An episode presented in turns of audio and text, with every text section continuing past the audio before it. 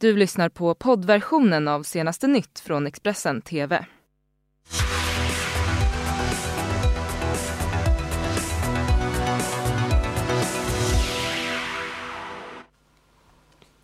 God morgon och välkommen till senaste nytt med mig Karin Bülow Orje och det här är morgonens rubriker. Glashalt på vägarna i Västmanland. Två bussar har kört av vägen i natt. SMHI varnar för snöfall i stora delar av Svealand. Och diskuskastaren Daniel Ståhl tog storslam på Friidrottsgalan. Ja, två bussar med totalt omkring 20 passagerare ombord har alltså kört av vägen på E18 nära Hallstahammar i Västmanland. Enligt SOS Alarm är det väldigt halt i området. Det är i nuläget oklart om någon av de inblandade skadats. Trafiken har varit avstängd fram tills nu. SOS Alarm fick i natt in ett samtal om en misstänkt person som tagits in i källaren i ett bostadshus i Västra Frölunda i Göteborg. När polis kom till platsen kunde en 35-årig man gripas misstänkt för grovt olaga hot och förberedelse till allmänfarlig ödeläggelse. I samband med insatsen upptäckte polisen något man misstänkte var ett farligt föremål och ett stort område kring byggnaden spärrades av.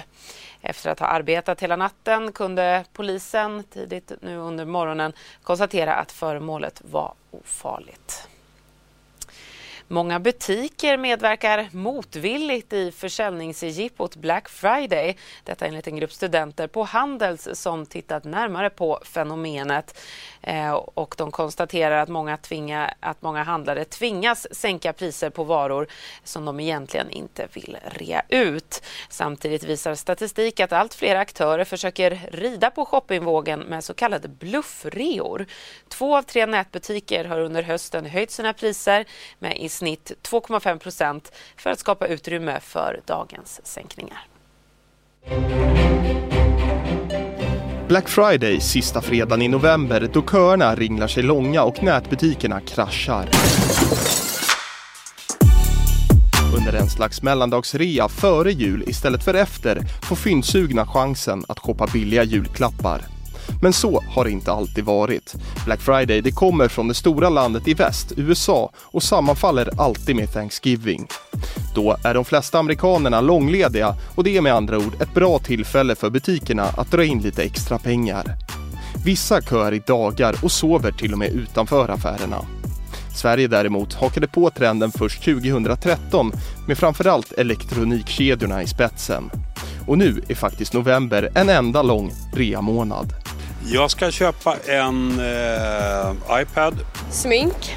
Black Friday, Black Week, Singles Day, Cyber Monday. Ja, shoppingen den skjuter i höjden och enligt spartjänsten Dreams har en tredjedel av svenskarna så pass svårt att avstå en bra deal att de köper saker som de redan har.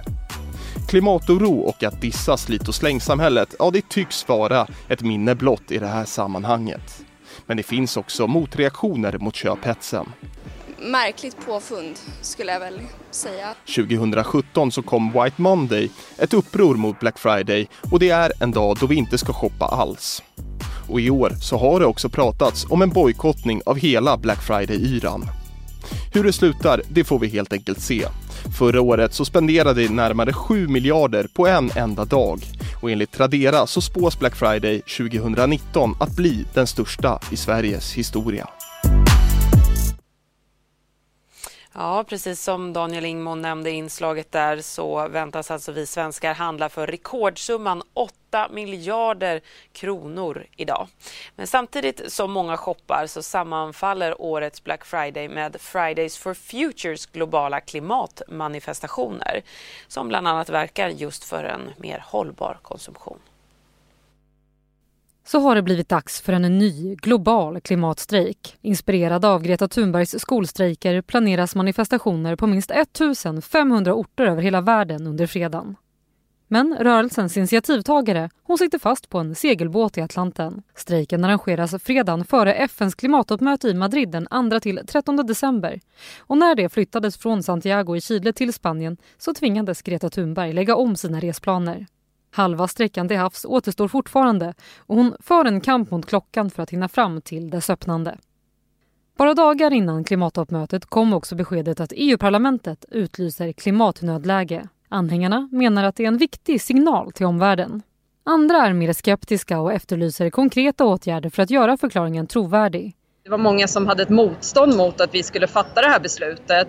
Och det beror just på att man vet att det här kommer ge en kraft i förhandlingar som rör klimatet och att klimatpolitiken kommer bli mer överordnad andra frågor och få betydligt mer inflytande både i lagstiftning och budget. Så att det är absolut inte tomma ord. Parallellt antogs också en resolution om vad EU borde trycka på under de närmaste veckornas klimatmöte i Madrid.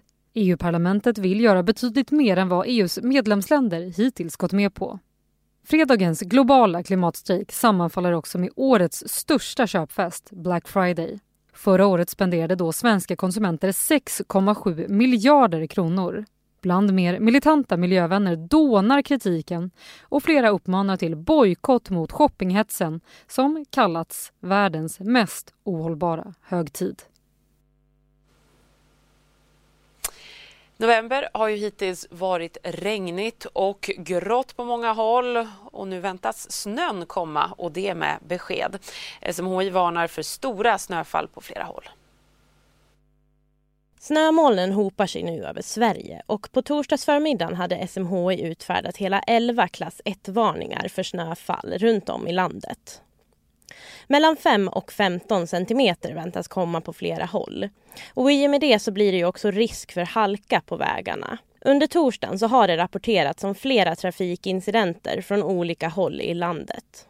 Enligt Trafikverket har man nu extra beredskap för halka och osäkra vägar. Och snön den väntas ligga kvar under helgen. Det är så pass kall luft som kommer ner då och sen så blir det kallt efter snöfallet också. Så det kommer att eh, ligga kvar som det ser ut. Ehm, och sen så blir det också riktigt soligt väder här till helgen med eh, ja, en hel del sol och kallt väder. Men om det blir en vit jul eller inte återstår som vanligt att se. För redan nästa vecka så kan det se annorlunda ut. Vi vill ju ha en vit jul, eller hur? Ehm, men eh, vi får se. I nästa vecka kan det vara lite mildare luft som drar in igen. Så har vi varit på plats på Friidrottsgalan och bland annat talat med Daniel Ståhl som tog hem storslam med hela fyra prisor, priser, bland dem Årets friidrottare. Ståhl höll ett långt tacktal där han riktade ett speciellt stort tack till sin tränare. Och efteråt konstaterade han att det trots uppmärksamheten inte blir något festande. Ja, du ser svettig ut Daniel Ståhl! Jo, men det är rätt varmt här. Ja, vad säger du om det? Nu fick du det allra finaste priset. Ja, jag är väldigt stolt. Det har varit ett fantastiskt år. Det har varit en raketsäsong. VM-guld och massvis med GP-tävlingar jag presterat och SM och lag-SM och allting. Så det har varit hur fantastiskt bra och svenskt rekord. Trodde du att du skulle ta hem årets friidrottare?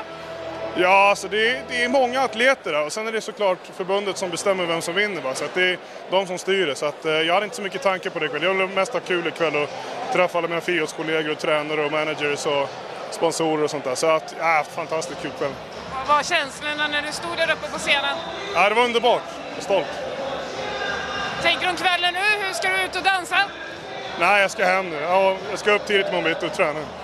Låter bra. Stort tack och grattis! Tack!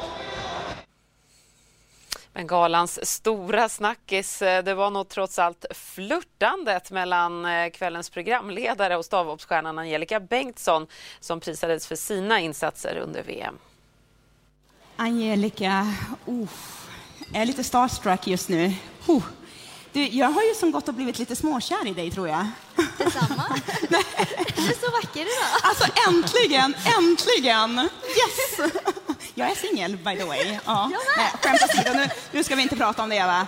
Du, eh, Angelica, alltså, jag blir ju så imponerad av den bragd som du gjorde. Kanske skulle börja egentligen idag här, men jag måste nästan ta upp Friidrottsgalans starkaste ögonblick någonsin när du och Kristina Rickardsson sa att ni blivit lite småkära i varandra. Du får berätta vad som hände där uppe. Nej men vi satt jämte varandra förra året.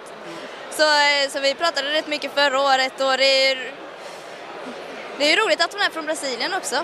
Eh, ja, jag är halvt från Brasilien så, så det, hon är en fantastisk människa. Var du förberedd på eh, den här lilla kärlekshyllningen eh, och inviten nästan där uppe? inte från henne, men jag var, jag var beredd på att ge till henne. Och vi fortsätter med fokus på sport, men nu fotboll.